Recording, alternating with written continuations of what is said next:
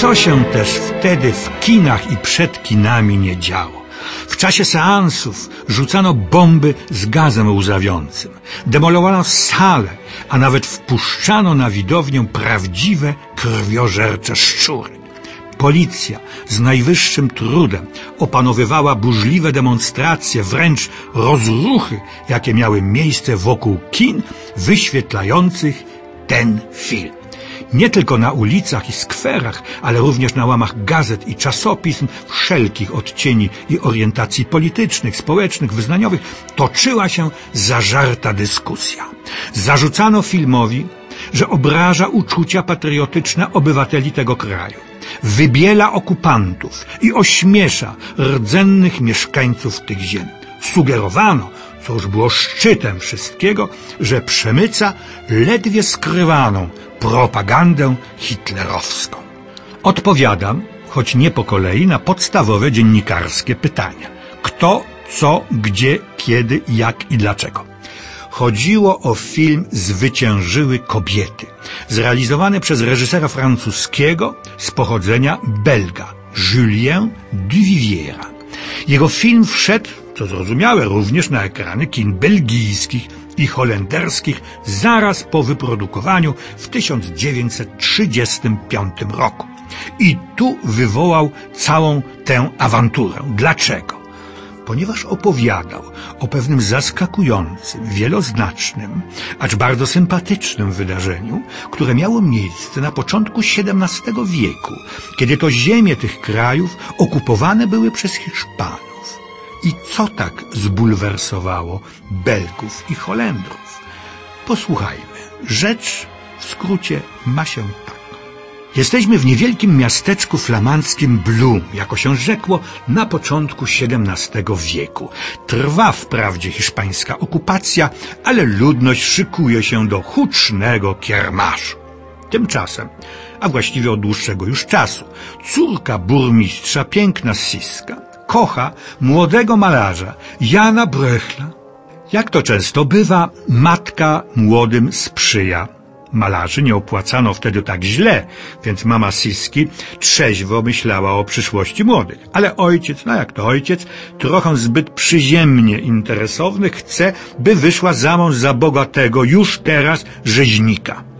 Ten rodzinny, uczuciowo-matrymonialny konflikt zostaje jednak chwilowo odsunięty na plan dalszy, ponieważ w miasteczku zjawia się książę hiszpański Doliveras ze swoją świtą i wojskiem. Mieszkańcy miasteczka Blum, podobnie jak innych miasteczek, wiedzą doskonale, co taka wizyta oznacza. Nazywając rzecz po imieniu, rozboje, grabieże, gwałty wszelkiego rodzaju. Mężczyźni postanawiają, w tajemnicy przed kobietami, po prostu ukryć się w domach. No, Polak by chyba nigdy na taki pomysł nie wpadł. Sam burmistrz podejmuje wyzwanie, zdaniem mężczyzn najtrudniejsze, najbardziej ryzykowne. Udaje nieboszczyka. Takie tchórzostwo oburza kobiety, które postanawiają wziąć sprawę w swoje ręce. To określenie proszę traktować jako symboliczne, jak się dzisiaj mówi, umowne. Książę, przystojny, elegancki, szarmancki, to mu trzeba przyznać. Staje na kwaterze u burmistrza. Obiecuje uszanować panującą tu żałobę. Tymczasem miejskie rajczynie, a jest ich sporo, zapraszają do siebie oficerów, zaś mieszczki żołnierzy. No, znaj swe miejsce, mocium pan. Dobre jadło, obficie serwowane napoje, ale przede wszystkim wdzięki mieszkanek miasteczka Blum robią swoje. Hiszpanie ani myślą o grabieżach, rozbojach i gwałtach. No, bo i po co? Trwa wspaniała, wesoła, beztroska, no czy tak zupełnie beztroska, zabawa. Burmistrzowa, a jakże w stroju żałobnym, wszak mąż w trumnie. Flirtuje z oczarowanym nią, bo podatnym na wdzięki niewieście, księciem. Ale burmistrzowa, matka Siski, ma swój konkretny cel, dla którego gotowa jest wiele poświęcić. Pragnie szczęścia swej córki, więc skłania księcia do wyrażenia zgody na małżeństwo Siski i Jana Brechla. Co też się staje. Jak to osiąga? Niech w tym momencie, jak w dawnych filmach bywało, nastąpi ściemnienie ekranu. Książę, choć okupant, ale człowiek inteligentny i rozumiejący miłość, dowiaduje się oczywiście o przebiegłym i rozkosznym fortelu burmistrzowej i kobiet miasteczka Blue.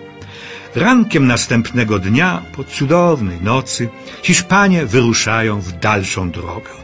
A burmistrzowej udało się jeszcze uzyskać od księcia zwolnienie miasta od podatków przez następny rok.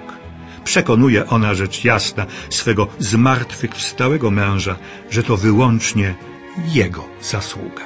Od kobieta. Teraz jest jasne, co tak oburzyło domorosłych, prymitywnych, jak zwykle, pseudopatriotów Belgii i Holandii. Zresztą już wkrótce znaleźli oni dobrego patrona i sprzymierzeńca, samego doktora Goebbelsa, hitlerowskiego ministra propagandy III Rzeszy, który po wkroczeniu Niemców do Belgii i Holandii zakazał wyświetlania filmu Zwyciężyły kobiety. Ale w końcu to przecież one zwyciężyły i zawsze zwyciężają.